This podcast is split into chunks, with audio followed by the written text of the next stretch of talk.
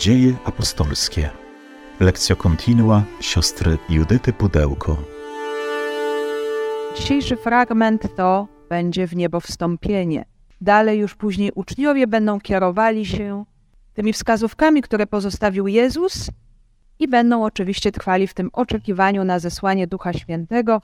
Zanim ten Duch Święty stąpi jeszcze, nastąpi uzupełnienie grona dwunastu, czyli będziemy musieli niebawem dotknąć bardzo trudnej rzeczywistości, tej rany we wspólnocie uczniów, którą spowodowała zdrada Judasza. O tym też jeszcze sobie powiemy, ale to wszystko może po kolei. Najpierw przyjrzymy się e, temu momentowi odejścia Jezusa do chwały Ojca. To jest też taka nowość, która zostaje wprowadzona w rzeczywistość tego świata, o czym jeszcze za chwilę. A teraz spróbujmy też wyciszyć nasze serca, nasze umysły z tego wszystkiego, co jakoś nas absorbuje, zajmuje. Spróbujmy powierzyć to wszystko, co było dzisiaj treścią naszego dnia Panu, prosząc o dar słuchania Jego słowa. Panie Jezu Chryste, prosimy Cię, udzielaj nam otwartości umysłu i serca. Pozwól nam dostrzegać w tym słowie słowo życia, które Ty sam kierujesz do każdego z nas. Oddajemy Ci to wszystko, co wypełnia nasze myśli, nasze serca. Ty sam nas prowadź, Ty sam nas oświecaj. Prosimy Cię, udzielaj nam obficie Twego ducha. Przyjdź o Duchu Święty, przyjdź mocy Boga i słodyczy Boga. Przyjdź Ty, który jesteś poruszeniem i spokojem zarazem. Odnów nasze męstwo, wypełnij naszą samotność pośród świata. Stwórz w nas zażyłość z Bogiem. Przyjdź duchu z przebitego boku Chrystusa na krzyżu. Przyjdź z ust zmartwychwstałego. Cały czas będziemy powracać do naszego rozkładu jazdy, czyli do E, schematu struktury dziejów apostolskich, żeby się przyglądać, w jakim miejscu jesteśmy. A jesteśmy oczywiście na początku dziejów apostolskich, jeszcze w prologu, w tym momencie, czyli przypatrujemy się tym samym początkowym momentom tworzenia, kształtowania się wspólnoty Kościoła.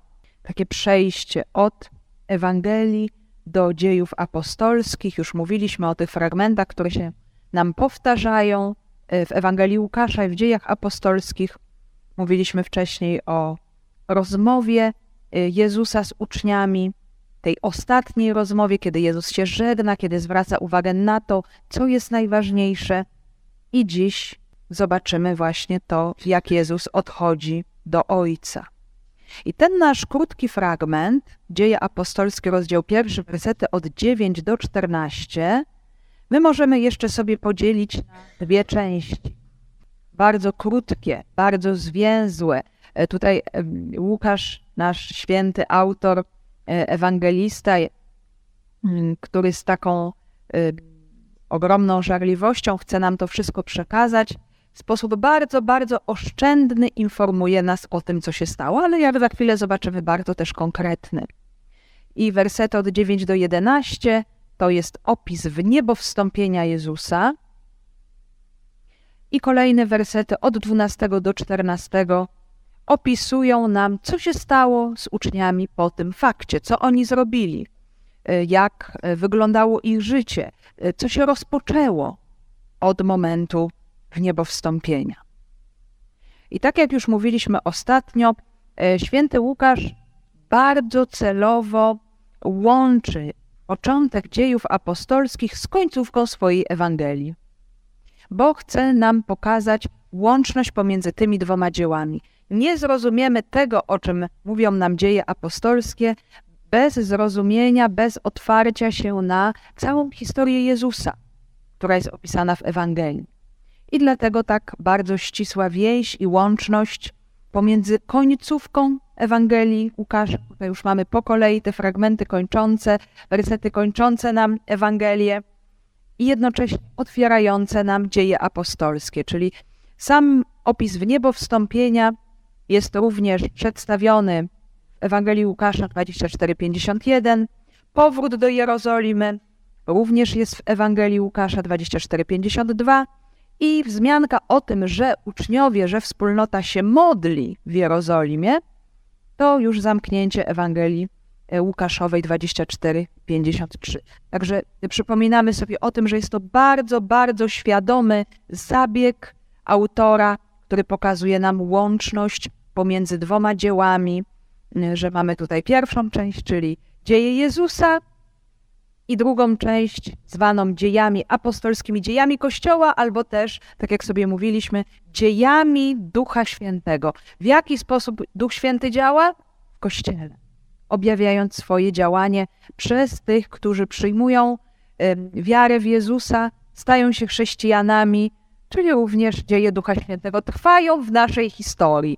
I my też czytamy dzieje apostolskie, już to wielokrotnie tu mówiliśmy, będziemy sobie cały czas powtarzać, po to, żeby dostrzegać, jak Duch Święty działa w naszym życiu, jak działa w oku nas, jak działa w Kościele. Bo ta księga będziemy cały czas to odkrywać i dostrzegać. Ona jest takim właśnie dziełem modelowym, model Kościoła. E, także te dwie części w niebo wstąpienie Jezusa i opis zjednoczonej wspólnoty e, w Jerozolimie z dziejów apostolskich. I kiedy to powiedział, zobaczyli, jak został uniesiony w górę, a obłok zabrał go sprzed ich oczu. I uporczywie wpatrywali się w niebo, gdy on odchodził. A oto stanęli przy nich dwaj mężczyźni w białych ubraniach i powiedzieli: Mężowie Galilejczycy, Dlaczego stoicie i wpatrujecie się w niebo? Ten Jezus, który został wzięty od was do nieba, tak samo przyjdzie do was, w sposób, w jaki oglądaliście go odchodzącego do nieba. Wtedy wrócili do Jeruzalem z góry zwanej Oliwną, która leży blisko Jeruzalem w odległości drogi szabatowej. I gdy, przy, I gdy przybyli, weszli do sali na górze, w której zazwyczaj przebywali. Piotr i Jan, i Jakub i Andrzej, Filip i Tomasz, Bartłomiej i Mateusz, Jakub syn Alfeusza i Szymon Gorliwy, i Juda syn Jakuba. Wszyscy oni trwali jednomyślnie na modlitwie z kobietami i Maryją Matką Jezusa i braćmi Jego. Jaki jest kontekst tego wydarzenia? Bo tutaj mamy taki troszeczkę urwany początek, to odnosi się tutaj ten tekst do słów Jezusa, które przed chwilą wypowiedział, dlatego cały czas sobie ten kontekst też przypominamy, nakreślamy.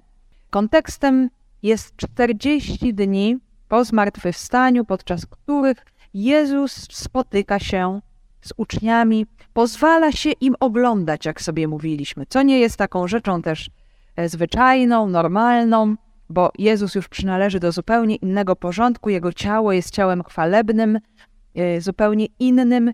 Jest to to ludzkie ciało, ale już przemienione, już inne. E, więc Jezus pozwala się oglądać, i w końcu przychodzi moment pożegnania, kiedy Jezus e, już daje ostatnie instrukcje, a szczególnie tutaj uczniom poleca, aby pozostali w Jerozolimie, żeby nie odchodzili ze świętego miasta, E, aż otrzymają e, moc z wysoka, obietnicę Ojca, czyli moc e, Ducha Świętego. To dopiero umożliwi im pełnienie misji, do której są wezwani i powołani. Mają stać się świadkami Jezusa, jak pamiętamy, w Jerozolimie, w Judei, w Samarii i aż po krańce ziemi. I aby to, to się stało możliwe, mają przyjąć dar Ducha Świętego. I kiedy właśnie to powiedział Jezus, kiedy dał te instrukcje, zobaczyli go, jak został uniesiony w górę, a obłok zabrał go sprzed ich oczu. Także Łukasz pisze tutaj o powrocie Jezusa do Ojca, do y, tej chwały, którą posiadał, zanim świat zaistniał. Y, I możemy sobie zadać pytanie, czy Nowy Testament mówi nam gdzieś o tym wydarzeniu, czy w ogóle nam mówi o tym, co się stało z Jezusem po zmartwychwstaniu, po wniebowstąpieniu. My mamy kilka takich tekstów w Nowym Testamencie, które mają bardziej zabarwienie teologiczne. I na przykład e, święty Paweł w liście do Filipian 2:9 mówi nam, Dlatego też Bóg go nad wszystko wywyższył i darował mu imię ponad wszelkie imię. Nie ma tutaj odniesienia do żadnego wydarzenia historycznego, do jakiegoś momentu na ziemi, tylko zobaczmy, jest stwierdzenie faktu chwały Jezusa, którą otrzymuje od Ojca. Czy nawet ta modlitwa z Ewangelii Jana, modlitwa arcykapłańska, Jan 17,1, gdzie Jezus mówi: Otocz swego syna chwałą, aby syn ciebie nią otoczy. Jest właśnie to słowo chwała, które możemy rozumieć oczywiście bardzo szeroko. Tą chwałą, jak wiemy, w Ewangelii Jana był już krzyż Jezusa, kiedy on był wywyższony i w ten sposób objawiał miłość Boga do świata, do człowieka, ale ta chwała już w całej pełni objawia się właśnie w jego zwycięstwie i w jego wywyższeniu. Czy pierwszy list do Tymoteusza 3,16? Ten, który objawił się w ciele, usprawiedliwiony został w duchu, ukazał się aniołom, ogłoszony został poganom, znalazł wiarę w świecie, wzięty został w chwale. No, to są właśnie takie próby wyrażenia tej prawdy, tej tajemnicy, że od pewnego jakiegoś momentu zmartwychwstały Jezus z jednej strony przynależy do zupełnie innego porządku niż wcześniej, ale z drugiej strony zobaczymy, że w jakiś zupełnie inny, nowy sposób jest również obecny z uczniami. Więc ta sytuacja się nam tutaj trochę zmieni. E, I święty Łukasz w swoim opisie zarówno Ewangelii, jak i dziejów apostolskich, kiedy dwukrotnie odnosi się właśnie do tego faktu w niebo wstąpienia Jezusa, chce nam powiedzieć o tej prawdzie, o tym, że Jezus jest w chwale, ubierając tę prawdę w ramy historyczne. To jest bardzo ważne, że to nie jest jakaś rzecz, no może powiedzieć taka czysto abstrakcyjna, nie wiadomo skąd pochodząca, ale że to wszystko miało jakiś początek, że no, był ten czas, kiedy Jezus zmartwychwstały przebywał mniej lub więcej jeszcze wśród uczniów, jeszcze był oglądany, jeszcze spożywali razem posiłek, jeszcze ich pouczał. I w pewnym momencie, to był moment bardzo konkretny, 40 dni po w niebo wstąpie, po zmartwychwstaniu, następuje ten moment odejścia Jezusa. Jest tutaj, możemy powiedzieć, połączenie dwóch wymiarów. Wymiaru teologii, czyli jakiejś głębokiej prawdy, y, y, rzeczywistości, która nam objawia tajemnicę Boga.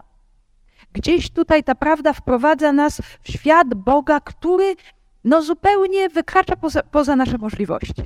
Bo wchodzimy w rzeczywistość, która jest gdzieś, no już trudno nam tutaj w ogóle mówić, jak to opisać, ponad nami, ponad naszą ludzką rzeczywistością. Uczniowie patrują się w niebo, ku górze patrzą, ale oczywiście to nie chodzi o taki wymiar tego nieba fizycznego, ale chodzi tutaj o jakiś inny wymiar rzeczywistości, Bożej rzeczywistości, która gdzieś jest e, ponad tym naszym ludzkim wymiarem, ale z drugiej strony są jakieś ramy historyczne, że to jest konkretny moment, że są świadkowie tego wydarzenia, że są ludzie, którzy widzieli, że coś się zmieniło, że coś się stało i dają o tym świadectwo.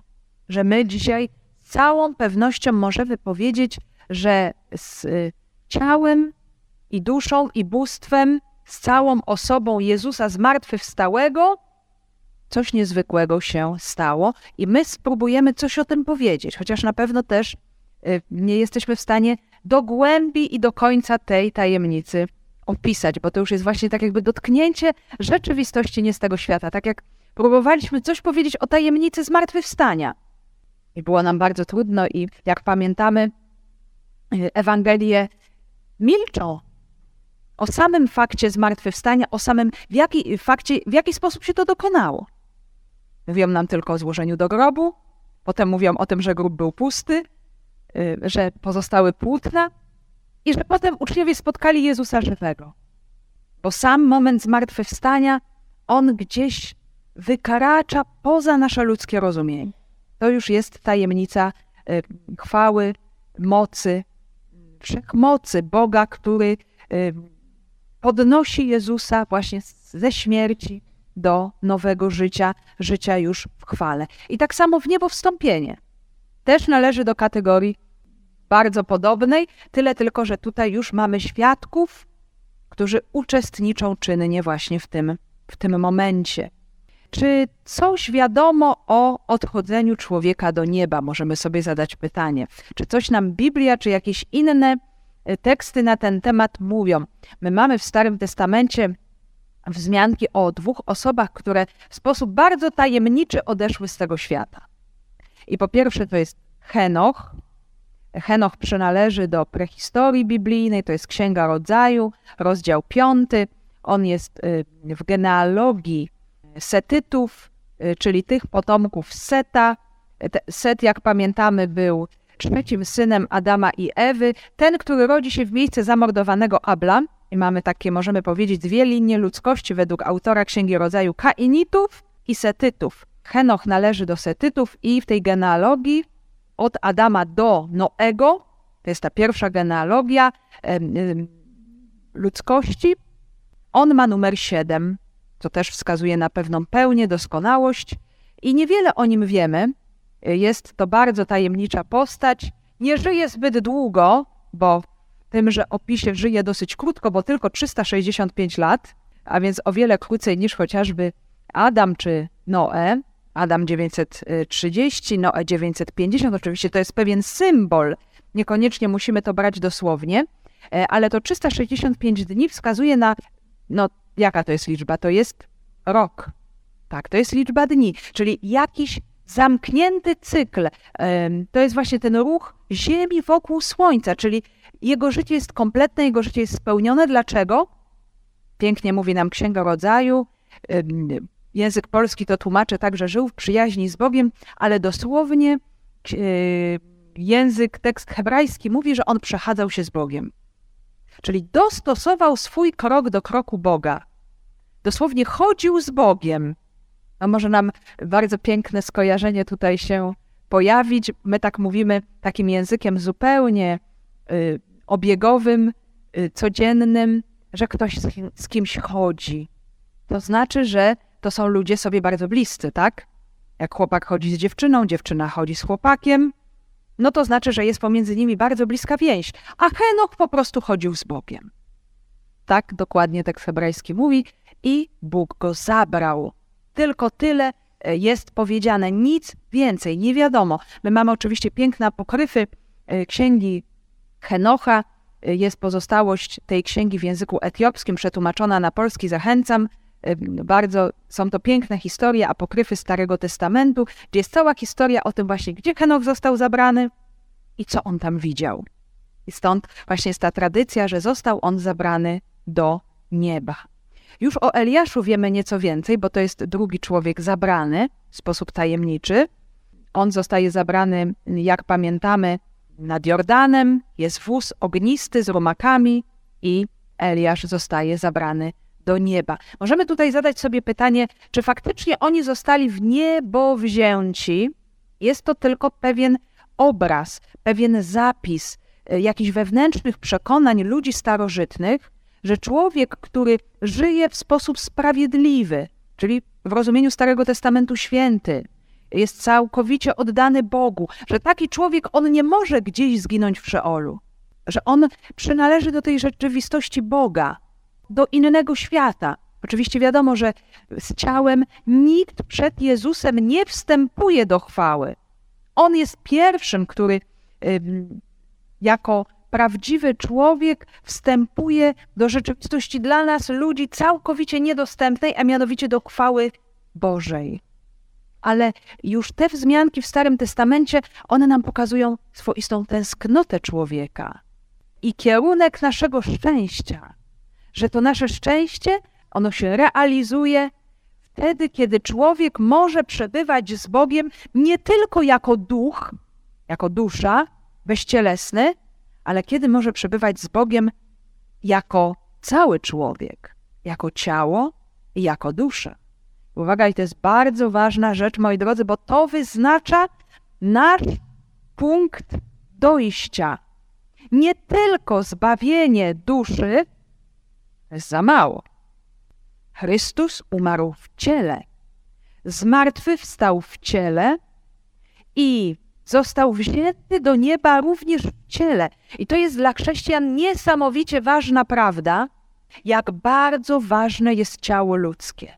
Jak wielkim szacunkiem musimy otaczać ludzkie ciało, nasze ciało, bo to nasze ciało zostanie przemienione. To jest nauczanie świętego Pawła w pierwszym liście do Koryntian, rozdział 15. Jakby ktoś sobie chciał poczytać i zobaczyć, otrzymamy to ciało chwalebne, niezniszczalne, nieśmiertelne. Będziemy tak samo odmienieni na wzór ciała Chrystusa. I ten moment właśnie w niebo wstąpienia Jezusa wskazuje kierunek również nam. To jest niesamowicie ważne, więc warto się nad tym zatrzymać i w ogóle zatrzymywać, bo to jest, moi drodzy, kolejna rewolucja, którą Jezus robi po zmartwychwstaniu. Z naszą ludzką naturą, z naszym ludzkim ciałem. Co ciekawe też, jakieś elementy mówiące o przejściu do nieba, y, o przebywaniu w niebie po śmierci, są obecne w, w starożytnych przekazach rzymskich. Oczywiście już w różnych pismach starożytnego Egiptu mówiono, że faraonowie po śmierci byli deifikowani, czyli ubóstwiani, zasiadali do uczty z Ozyrysem i z innymi bogami Egiptu. E, e, starożytny Rzym jakoś też przejął tę prawdę i pamiętamy też, że cesarze byli deifikowani, a po śmierci ci cesarze byli uznawani za wziętych do nieba. Mamy na przykład takie przekazy dotyczące śmierci Juliusza Cezara, kiedy trwały uroczystości pogrzebowe, miała się pojawić na niebie kometa. I to dla starożytnych było takim znakiem właśnie, że oto Juliusz Cezar zostaje wzięty do nieba. Czyli również zobaczmy, wierzenia pogańskie też gdzieś pokazywały tę tęsknotę człowieka.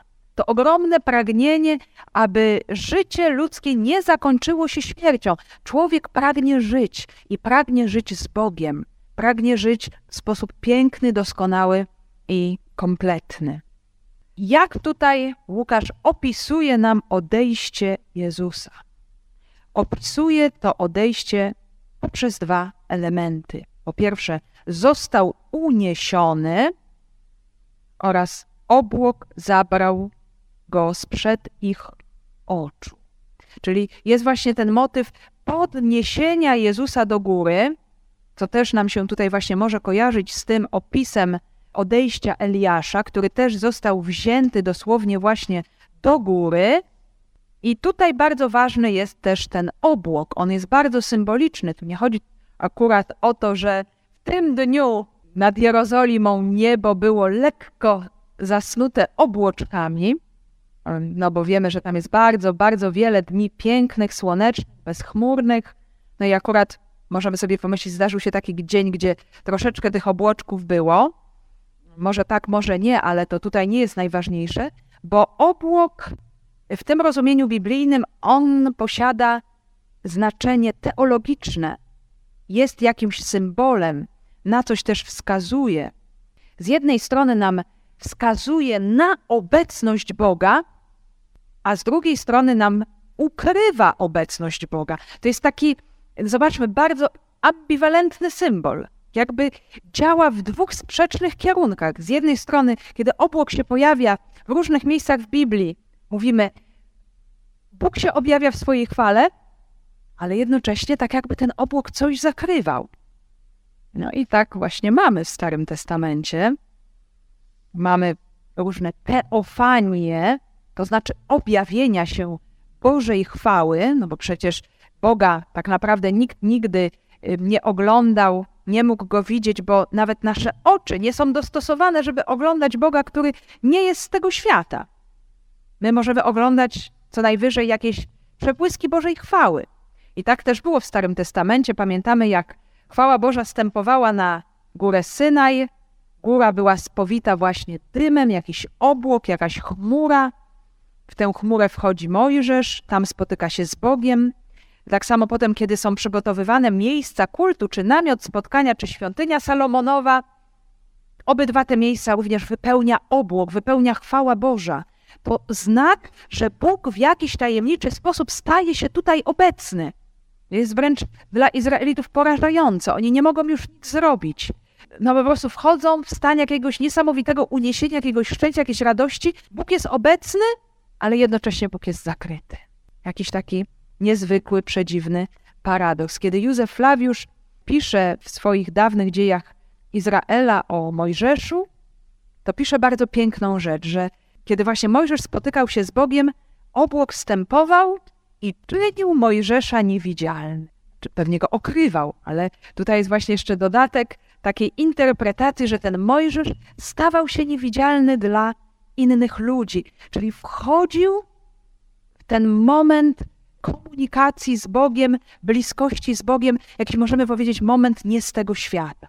I być może tutaj też jest coś z tego, że Jezus mm, odchodzi w inny wymiar, to stwierdzenie zabrany do góry, oczywiście nie oznacza, że my niebo kojarzymy właśnie z czymś, co, jest koniecznie nad skorupą ziemską w sposób taki fizyczny, czy wręcz topograficzno-geograficzny, ale chodzi o wejście w przestrzeń Boga i jest właśnie rzeczywistość tego obłoku, która sprawia, że Jezus wchodząc w tą przestrzeń Ojca, staje się już dla człowieka niewidoczny.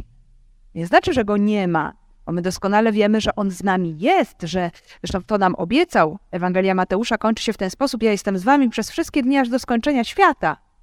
Ale jednocześnie jest już w tej przestrzeni, w której my go nie widzimy naszymi ludzkimi oczami, tak jak go oglądali apostołowie po zmartwychwstaniu. Czyli jest rzeczywistość, która Jezusa ukrywa. Ukrywa. Ten obok nam się też pojawia w Nowym Testamencie, chociażby w momencie przemienienia Jezusa na taborze. To też jest jakaś teofania, czyli objawienie się Boga. Obłok, który osłania Jezusa, Mojżesza i Eliasza, ta cudowna grupa y, komunikuje ze sobą, kontaktuje się, wchodzi właśnie w rzeczywistość spotkania z Bogiem. Ale mamy też jednocześnie w Ewangelii Łukasza y, zapowiedź powrotu Jezusa, i to jest też niesamowicie ważne dla naszego opisu, dla tego naszego tekstu dzisiejszego, bo Jezus, mówiąc też o tych wszystkich wydarzeniach dotyczących zburzenia Jerozolimy, dotyczących y, jakichś trudnych wydarzeń, y, też prześladowania uczniów, czy jakichś dni ostatecznych, mówi o swoim powrocie. Wtedy ujrzą Syna Człowieczego nadchodzącego w obłoku z mocą i wielką chwałą. To jest znów pewien język symboli, e, moglibyśmy powiedzieć język e, z dziedziny apokaliptyki. To jest taki bardzo konkretny dział literacki, teologiczno-literacki, bardzo rozpowszechniony wśród Żydów, bardzo mocno tak szczególnie od II wieku przed Chrystusem, od czasów machabejskich, od czasów prześladowań narodu żydowskiego, gdy wierzono w nadzwyczajne, wielkie interwencje Boga na korzyść swojego ludu. I tam pamiętamy, mamy w księdze Daniela właśnie zapowiedź Syna Człowieczego, który w imieniu Boga obejmie władzę i przybędzie na obłokach nieba. Jezus nawiązuje do tego opisu i właśnie mówi w ten sposób również o swoim powrocie, że przybędzie na obłoku nieba, to jest oczywiście znów y, symbol, który nam mówi, że zbliży się do nas Bóg y, z całą tą rzeczywistością, która nie pochodzi z tego świata. Czyli cała ta tajemnicza sfera, o której my dziś nie możemy za dużo powiedzieć, ona się do nas zbliży, ona się stanie naszą rzeczywistością i że to na pewno nastąpi. Więc cały ten bardzo krótki i zwięzły opis, który właśnie mówi w tych dwóch obrazach, został wzięty do góry i obłok zabrał go im sprzed oczu. Z jednej strony Łukasz przez to chce nam powiedzieć, że Jezus właśnie jest, właśnie wchodzi w rzeczywistość nie z tego świata, czyli On jest tym wywyższonym Panem, kryosem, władcą, królem całego świata, że to wskrzeszenie Y, to nie jest tylko zwykłe wskrzeszenie. Zmartwychwstanie nie jest zwykłym wskrzeszeniem, powrotem do życia doczesnego, ale to jest wejście już w to życie nieśmiertelne, w życie chwalebne. I również w tym wszystkim uczestniczy człowieczeństwo Jezusa. Że Jezus wchodzi w tę rzeczywistość również jako człowiek. Jako Bóg to jest oczywiście rzecz normalna, bo jako Bogu przynależy mu chwała i sfera boska z, z jego natury samej, ale tutaj jest rzecz bardzo ważna, bo jest właśnie mowa o tym, że natura ludzka zostaje w sposób niezwykły w ciele Jezusa, który wstępuje do nieba, wywyższona. I to jest, jak sobie powiedzieliśmy, zapowiedź tego, co będzie dotyczyło naszego życia, czego my już w pewnym sensie jesteśmy uczestnikami przez chrzest, przez włączenie nas w życie Trójcy Przenajświętszej, przez to, że jesteśmy dziećmi Boga, my już mamy zalążek tej chwały dziś w naszym życiu. I sam ten opis jest bardzo zwięzły, sobie powiedzieliśmy, ale z drugiej strony, e, od tej strony możemy powiedzieć ludzkiej, bo od tej strony Jezusowej to jest bardzo zwięzły opis, ale od tej strony ludzkiej Łukasz tutaj kumuluje terminy dotyczące patrzenia. Różne słowa dotyczące patrzenia, no bo to jest rzecz niezwykła oglądać takie wydarzenie. Więc autor nam intensyfikuje to działanie świadków tego wydarzenia. Czyli co oni? Oni widzą to, co się dzieje, mogą to postrzegać swoimi zmysłami, zmysłem wzroku. Oni się uporczywie wpatrują, kolejny czasownik, oni kierują swój wzrok, czy wpatrują się w to, co widzą, czy też dalej oglądają, obserwują. To już jest takie patrzenie z większą uwagą, z jakimś rozważeniem, z jakimś też, z jakimś też namysłem. W jakim celu ta intensyfikacja patrzenia w tak krótkim opisie, aż cztery różne czasowniki dotyczące oglądu, dotyczące wzroku. Jak sobie przypomnimy odchodzenie Eliasza z tego świata, jak on został zabrany, to, to oglądanie Elizeusza, całego tego wydarzenia było, miało jakiś bardzo konkretny cel. Bo Eliasz powiedział Elizeuszowi: Jeżeli zobaczysz moje odejście, to spełni się Twoje pragnienie i otrzymasz dwie części mojego ducha. Czyli będziesz mógł działać tak jak ja i jeszcze dwa razy więcej, z podwójną mocą i siłą. I tak się faktycznie stało.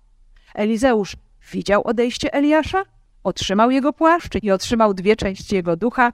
Potem możemy dokładnie sobie to policzyć, że Elizeusz czyni dwa razy więcej cudów niż Eliasz. Ta intensyfikacja nastąpiła. A dlaczego to patrzenie uczniów? Oni tutaj no, nie, nie otrzymają czegoś tak konkretnego akurat w tym momencie jak Elizeusz, ale to patrzenie jest niesamowicie ważne, ponieważ oni są świadkami całego tego wydarzenia. Są naocznymi świadkami i to ich świadectwo jest niesamowicie ważne dla przekazu dla kolejnych pokoleń chrześcijan i również dla nas. Że to było wydarzenie niewymyślone, nie może jakieś, możemy powiedzieć, symboliczne, ale że mamy do czynienia z wydarzeniem historycznym, które oczywiście zostało opowiedziane w sposób możliwy dla człowieka, bo cały czas mówimy, że jest to wydarzenie nie z tego świata, ale było widziane, postrzegane i to świadectwo dalej trwa. Więc y, apostołowie mają się stać świadkami tajemnicy chwały Jezusa, który zasiada po prawicy Ojca. To, to wyrażenie, że Jezus zasiadł po prawicy Ojca, y, no ono też nam się w różnych częściach Nowego Testamentu pojawia. Między innymi Ewangelia Marka tak to nam y, przedstawia w późniejszym drugim zakończeniu. I co to oznacza? Bo Bóg Ojciec przecież nie ma prawicy, nie ma prawej strony, jest duchem. Ta prawa strona, ta prawica Boga oznacza, możemy powiedzieć, to miejsce, tę rzeczywistość, ten stan, w którym Bóg udziela życia temu światu, każdemu z nas. E, ktoś to tak nazwał bardzo współczesnym językiem, takie centrum sterowania tym światem, centrum największego zarządzania, przekazu życia, przekazu łaski. To jest, możemy powiedzieć, to miejsce, ta rzeczywistość, bo to trudno mówić o miejscu, ten stan przebywania chwalebnego Jezusa. Ale żeby to było wszystko właściwie zrozumiane, pojawiają się pomocnicy e, pojawiają się aniołowie, dwaj tajemniczy mężczyźni. I uporczywie wpatrywali się w niebo, gdy on odchodził, a oto stanęli przy nich dwaj mężczyźni w białych ubraniach. Ci dwaj mężczyźni w białych ubraniach bądź w białych szatach, tak może to bardziej jeszcze elegancko brzmi, tak dostojnie, oni przywołują nam dwóch tajemniczych mężczyzn w leśniących szatach, którzy się pojawiają przy pustym grobie Jezusa. To są aniołowie zmartwychwstania, którzy przekazują kobietom orędzie o zmartwychwstaniu. I tutaj mamy znów kolejnych dwóch. Ta biel ubrań wskazuje na to, że pochodzą z nieba, pochodzą znów z tej rzeczywistości Boga. I jest ich dwóch, to znaczy, że są świadkami tego całego wydarzenia. I zwracają się do apostołów, którzy po prostu stoją i patrzą i nie mogą oderwać oczu i nie mogą zrozumieć, co się stało do końca, dlaczego tak się stało. I może są jakoś też bezradni w tej sytuacji. Dlatego pojawiają się właśnie tacy interpretatorzy, którzy im to wyjaśniają. I powiedzieli: Mężowie Galilejczycy, dlaczego stoicie i wpatrujecie się w niebo? Ten Jezus, który został wzięty od was do nieba, tak samo przyjdzie do was w sposób, w jaki oglądaliście go odchodzącego do nieba. Pojawia się tutaj pytanie, dlaczego wpatrujecie się w niebo? Chcielibyście może wiedzieć, gdzie ten Jezus się udał, dokąd poszedł, dlaczego go nie ma, dlaczego zniknął, dlaczego go nie oglądamy. Tutaj uczniowie, każdy z nich musi sobie sam odpowiedzieć na to pytanie, dlaczego wpatruje się w niebo. Czy może są po prostu tak zachwyceni tym widokiem, tak zastygli w tym wpatrywaniu się e, w ten cudowny obraz chwalebnego Jezusa. Ale aniołowie nie dają odpowiedzi na to pytanie, ani też nie dają odpowiedzi na to, zobaczmy, to jest bardzo ciekawe, gdzie ten Jezus jest, czy też co dokładnie się z nim stało. Nie ma odpowiedzi.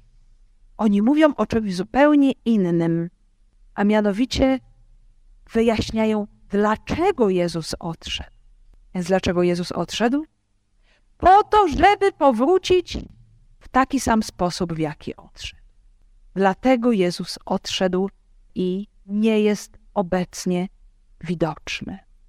Więc odszedł i teraz rozpoczął się czas oczekiwania na jego powrót. To jest właśnie ten czas, który my przeżywamy. Odszedł i to oglądanie jego odejścia ma dać całkowitą pewność uczniom, apostołom i uczniom wszystkich czasów, że Jezus powróci. I to jest to wyjaśnienie, ta interpretacja pozostawiona przez dwóch tajemniczych mężczyzn. Czyli jeżeli odejście Jezusa zostało przedstawione jako fakt historyczny, oglądany przez świadków, w danym momencie, w danym miejscu, zaraz będzie też podana lokalizacja, gdzie to się dokonało, jest też czas, 40 dni po zmartwychwstaniu Jezusa, tak samo konkretnym wydarzeniem będzie Jego powrót.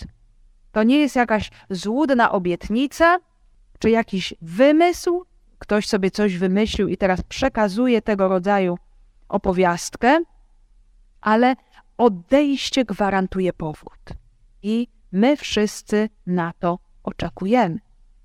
Zresztą my mamy wiele też tych zapowiedzi w samych e, Ewangeliach, kiedy Jezus mówi: Przyjdę do Was, powrócę do Was, zobaczycie syna człowieczego przybywającego na obłoku chwały.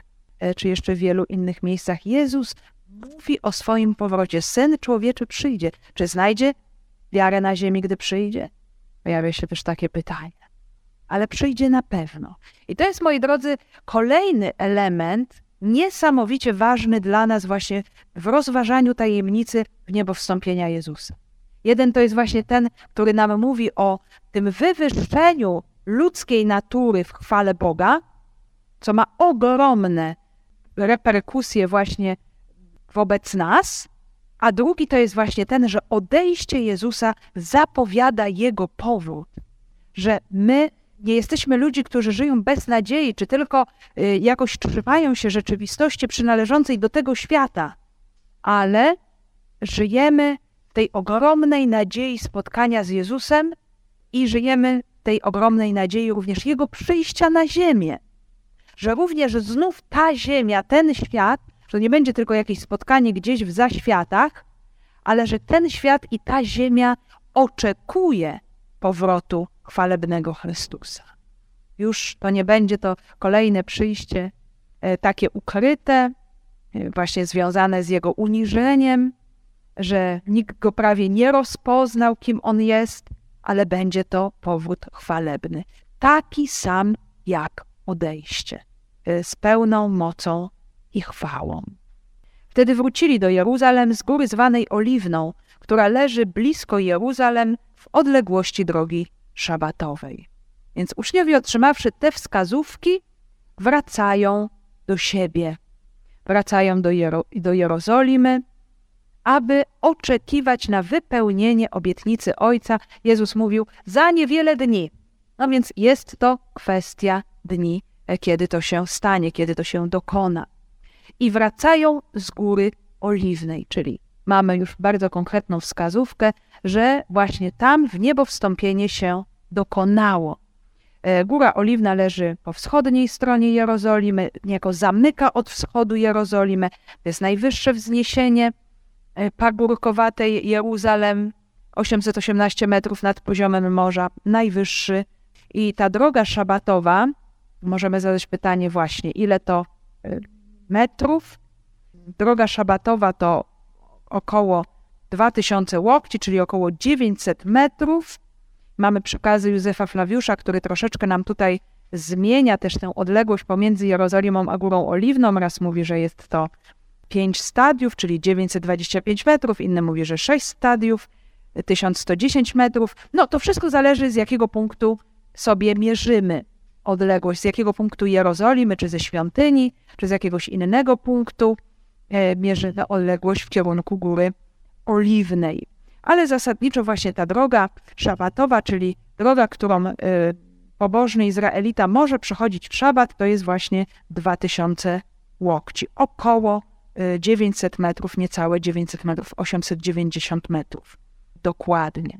Ale generalnie chodzi tutaj o stwierdzenie faktu, że jest to odległość bliska. Jak pamiętamy, Łukasz pisze do y, chrześcijan pochodzących z pogaństwa. Może niektórzy z nich nigdy nie byli w Jerozolimie. Może nie potrafią sobie do końca tego dobrze zlokalizować, no bo oczywiście każdy mieszkaniec Jerozolimy, czy nawet ten, kto raz był w Jerozolimie, nie jest w stanie nie pamiętać, w którym miejscu jest Góra Oliwna i w jakim położeniu ona się znajduje do placu świątynnego, do miejsca, gdzie się znajdowała świątynia. To się po prostu wie i pamięta.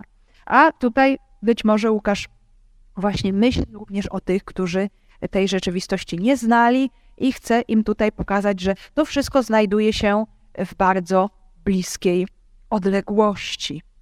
W Ewangelii Łukasza, kiedy Łukasz mówi o wniebowstąpieniu, podaje jeszcze inną informację, że oni wtedy szli w kierunku Betanii. A Betania, i znów nie sposób o tym nie pamiętać, kiedy się chociaż raz tam było, leży po wschodniej stronie Góry Oliwnej, na wschodnim zboczu.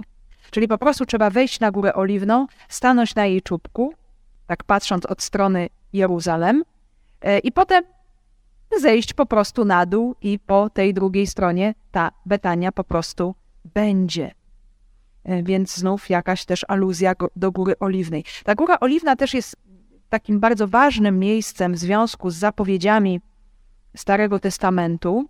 Księga Zachariasza 14:4 mówi nam, że jego stopy, czyli stopy Boga, stopy Pana, staną na górze oliwnej. Zobaczmy, jakie jest niesamowite to proroctwo, ponieważ w Starym Testamencie tutaj byśmy mieli do czynienia wyłącznie z jakimś antropomorfizmem, czyli ludzkim przedstawieniem Boga. Przecież Bóg nie ma stóp. A to się nagle okazuje, że w Jezusie Chrystusie ma stopy. I faktycznie te stopy Jezusa stanęły na Górze Oliwnej. Przecież mamy tradycję miejsca w niebo wstąpienia, kamienia z odciśniętą stopą. Oczywiście jest to rzecz absolutnie legendarna, ale jednak zobaczmy, jak pięknie odnosi się to nam do proroctwa Zachariasza. E, też księga proroka Joela mówi nam o dniu ostatecznym, o sądzie ostatecznym, który odbędzie się w dolinie Joszafat, w dolinie Jozafata, to jest fragment doliny Cedronu, e, tej, która rozdziela nam Jerozolimę od Góry Oliwnej. Czyli jest to miejsce szczególnie ważne, bo już sugeruje, tutaj Bóg się objawi w dniu ostatecznym, czyli tu nastąpi paruzja, czyli tu powróci Syn Boży. Znów Jezus też całkowicie wpisuje się w te zapowiedzi pierwszego przymierza. I gdy przybyli, weszli do sali na górze, w której przebywali, w której zazwyczaj przebywali. Piotr Jan, Jakub, i Andrzej, Filip, Tomasz, Bartłomiej i Mateusz, Jakub syn Alfeusza i Szymon Gorliwy i Juda syn Jakuba. Łukasz nam mówi też tak szczegółowo, chcąc też nam e, tutaj zaznaczyć, że, jakieś, że jest miejsce spotkań wspólnoty, tam gdzie oni zazwyczaj przebywali, chodzi o salę na górze, e, a sala na górze oczywiście odnosi się nam do, nam do miejsca ustanowienia Eucharystii, umycia nóg, pożegnania pomiędzy uczniami Jezusem przed męką, i potem też do spotkań ze zmartwychwstałym już po tym fakcie, kiedy Jezus przychodził do uczniów e, i też zapowiadał im przyszłą misję, e, niejako ich posyłał, zapowiadał, że właśnie oni przyjmą dar Ducha Świętego. To wszystko też dokonuje się e, w tej sali na górze. I tam oczywiście nastąpi realizacja obietnicy Ojca, czyli dar Ducha. Są tutaj wymienione imiona apostołów, jedenastu, bo oczywiście brakuje Judasza, o czym będziemy sobie mówić następnym razem, jak ta rzeczywistość zostanie rozwiązana. Ten opis nawiązuje nam oczywiście do Ewangelii, do wyboru dwunastu apostołów, to jest Ewangelia Łukasza, rozdział szósty. W nieco zmienionej kolejności, ale pojawiają się nam te same imiona. E, I co się dzieje z tą grupą apostołów? Co oni tutaj robią, jak oni spędzają ten czas. Wszyscy oni trwali jednomyślnie na modlitwie z kobietami i Maryją, Matką Jezusa i braćmi Jego. To jest też, moi drodzy, bardzo ważne. Te elementy, które są tutaj w tym czternastym wersecie, one nam określają, czy w ogóle jest Kościół, w jaki sposób on funkcjonuje i przebywa. To będzie się jeszcze powtarzało nam w dziejach apostolskich w rozdziale y, drugim, 42 werset czy 46, jest to wspólne trwanie, wspólne przebywanie. To nie jest, możemy powiedzieć, jakaś jednorazowa czynność, którą się robi. Aha, idę gdzieś raz, coś sobie robię i potem już wracam do swojego życia i nic mnie nie interesuje. Uczniem Jezusa, chrześcijaninem, kościołem jest się czas. I tutaj jest użyty bardzo piękny czasownik, proskartereo, proskarterein, y, który można opisywać na różne sposoby. Jest bardzo taki piękny, taki intensywny, oznacza wytrwałe przebywanie, takie uporczywe trwanie razem, intensywne przylgnięcie, bycie w posłudze, wierność, poświęcenie. Znaczy, że oni z całym tym oddaniem przebywali razem że oni po prostu weszli w tę wspólnotę wspólnego przebywania. Potem to nam się właśnie powtórzy w tym określeniu, że trwali w nauce apostołów, trwali jednomyślne w świątyni. Czyli jest to kontynuacja, jest tutaj właśnie jakiś obraz wierności, ciągłości, takie trwanie, przebywanie, czyli stan uczniów. Jest ono również jednomyślne, takim jednym uderzeniu serca, moglibyśmy powiedzieć, w jednym akordzie. Oni trwają, czyli są ukierunkowani na wspólny cel. E, zobaczmy, bycie kościołem to nie jest jakaś zewnętrzna przynależność. To, że chrześcijanie spotkają się raz na tydzień na liturgii i koniec. To jest wspólne trwanie, wierne przebywanie, to jest te ten wspólny ruch serca w jednym kierunku. To jest ta rzeczywistość, która jednoczy. I to jest, zobaczmy, od samego początku taka sytuacja się wytwarza i ona nam opisuje Kościół, opisuje, czym jest wspólnota. Że to są te wspólne dążenia.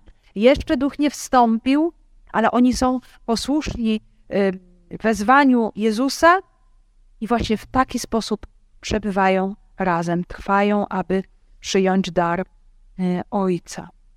I tutaj teraz to wspólne, wierne trwanie, takie uporczywe, wierne trwanie, jednomyślne, ono się wyraża w modlitwie. Mamy ogólne słowo dotyczące modlitwy, proseuche. Nie ma tutaj mowy o żadnych formułach. Nie jest powiedziane, że modlili się jakąś modlitwą znaną wśród modlitw y, żydowskich, bo przecież było ich wiele, i czy mamy Szema Izrael, czy y, błogosławieństwa, czy, czy inne też modlitwy, czy wspólne słuchanie słowa. Nic tutaj nie ma takiego, jest ogólne stwierdzenie, że trwali na modlitwie, to wyraża również ich stan, ich postawę, ich otwartość serca. Ta modlitwa również jest tutaj otwartością, jest słuchaniem właśnie i oczekiwaniem. Taki możemy powiedzieć bardziej stan serca, otwartości serca, aniżeli jakakolwiek mowa. Choć na pewno też modlili się wspólnie. Może też różnymi formułami, ale, ale bardziej chodzi tutaj o taki stan serca. E, I to zjednoczenie, ono dotyczy grupy mężczyzn i grupy kobiet. To jest kolejny bardzo ważny element w ogóle w dziele Łukaszowym. Nie chcę się tutaj też na tym zatrzymywać, bo to byłaby dosyć długa dygresja, ale ewangelista Łukasz, moi drodzy, on ma taką charakterystykę w swoim dziele, że bardzo mocno podkreśla, że dobra nowina jest skierowana zarówno do mężczyzn, jak i do kobiet.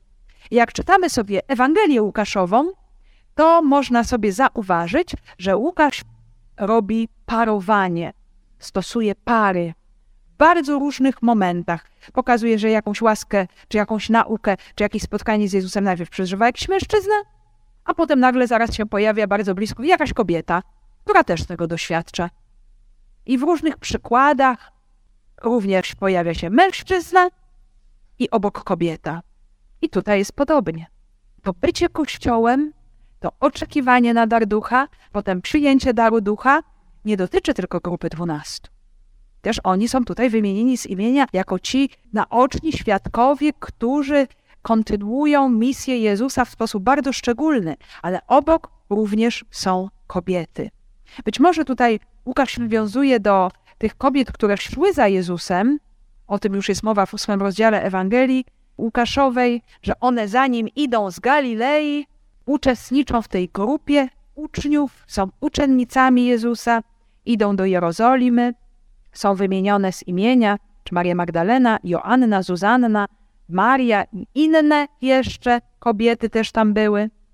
A są i tacy interpretatorzy, którzy tutaj widzą odniesienie do ewentualnych żon apostołów, bo oczywiście, jak przystało na pobożnych religijnych Żydów, zapewne apostołowie swoje żony mieli. Może niektórzy byli wdowcami, być może Jan jako młodzieniec tej żony nie miał, ale inni apostołowie mogli te żony posiadać w języku i zarówno hebrajskim, i greckim. Kobieta to ten sam termin ten sam termin oznacza też żonę. Nie jest to wykluczone, ale e, bardziej widzi się tutaj właśnie te kobiety towarzyszące Jezusowi podczas jego ziemskiego życia, obecne pod krzyżem i również będące świadkami pustego grobu i jego e, zmartwychwstania. I osobno jest tu wymieniona Matka Jezusa. Ona jest tą kobietą bardzo, bardzo szczególną i widać, że ona ma szczególny status i w Kościele, jako Matka Jezusa. Ona jest tym prototypem Kościoła, tym obrazem Kościoła, czyli osoby wierzącej, osoby, która przyjmuje Słowo Boga w swoim życiu i która całkowicie na to Słowo Boga odpowiada, która jest w pełni wierząca. I też musimy pamiętać, że Łukasz nam już przedstawił, opisał Maryję jako tę, która przyjęła dar Ducha Świętego w momencie zwiastowania. Ona już zna wie, co to znaczy być przyobleczonym mocą z wysoka. I ona jest tutaj również po to, żeby y, ukazywać, umacniać, ukierunkowywać apostołów na ten dar i wszystkich zebranych. Ona ten dar zna, ona wie również, jak wielkim jest brak tego ducha. Dlatego ona jest szczególnie obecna i modląca się wieczorniku, aby ten dar upraszać. bo ona już go zna. Ona ma go w pełni w sobie. Natomiast braćmi Jezusa mogą być albo jego krewni, albo jego znajomi. O tych znajomych, którzy stali pod krzyżem wraz z kobietami i patrzyli z daleka, mówi nam też Ewangelia Łukasza 23-49, ale też patrząc na opisy ewangeliczne, to mogą być wszyscy ci, którzy słuchają Jego słow. To może być każdy z nas również, może się tutaj odnaleźć wśród tych braci i sióstr Jezusa, bo słowo adelfoi greckie odnosi się zarówno do braci, jak i do sióstr w liczbie mnogiej, więc wszyscy ci, którzy słuchają, mogą się otwierać na to oczekiwanie, na, na dar ducha. Więc oczekujemy, moi drodzy. Oczekujemy na dar ducha.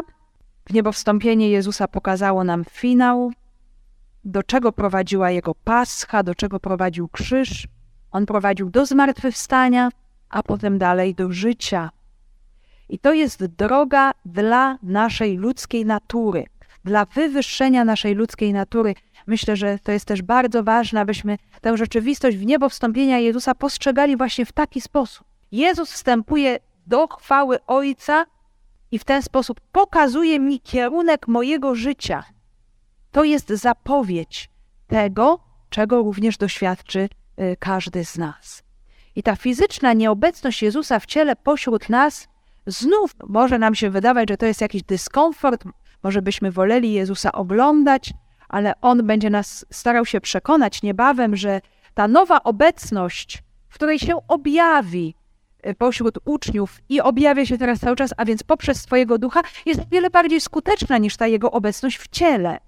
Więc będziemy próbowali to odkryć też, czytając dzieje apostolskie. E, ale ta właśnie ta, ta fizyczna nieobecność Jezusa to jest jednocześnie oczekiwanie na Jego ostateczny. I to Jego odejście staje się dla nas gwarantem właśnie tego e, powrotu do nas. I ten czas, który my teraz przeżywamy również jako Kościół, to jest czas budowania wspólnoty.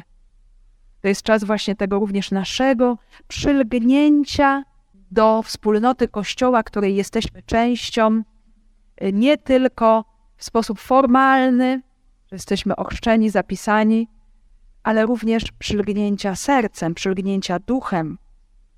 E, I mm, my na tego Ducha Świętego się nieustannie otwieramy, nieustannie go przyjmujemy. I tutaj Łukasz nam pokazuje, co jest konieczne.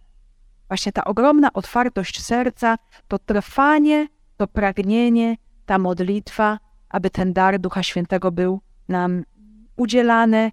I co jest też bardzo ważne, Duch Święty przychodzi do wspólnoty Kościoła. To nie jest tak, że to jest tylko mój Duch Święty, czy ja osobiście go tylko sobie dla siebie wyproszę. Zobaczmy, Duch Święty przybędzie do wspólnoty, w której serca są zjednoczone w proszeniu. I brakuje nam Ducha Świętego? Gdzieś sami nie potrafimy sobie poradzić, Idźmy tam, gdzie jest Kościół, gdzie jest wspólnota. On tam przychodzi, on tam się objawia, on tam działa. To jest dla nas bardzo, bardzo konkretna wskazówka. Także tu w tym momencie się zatrzymamy.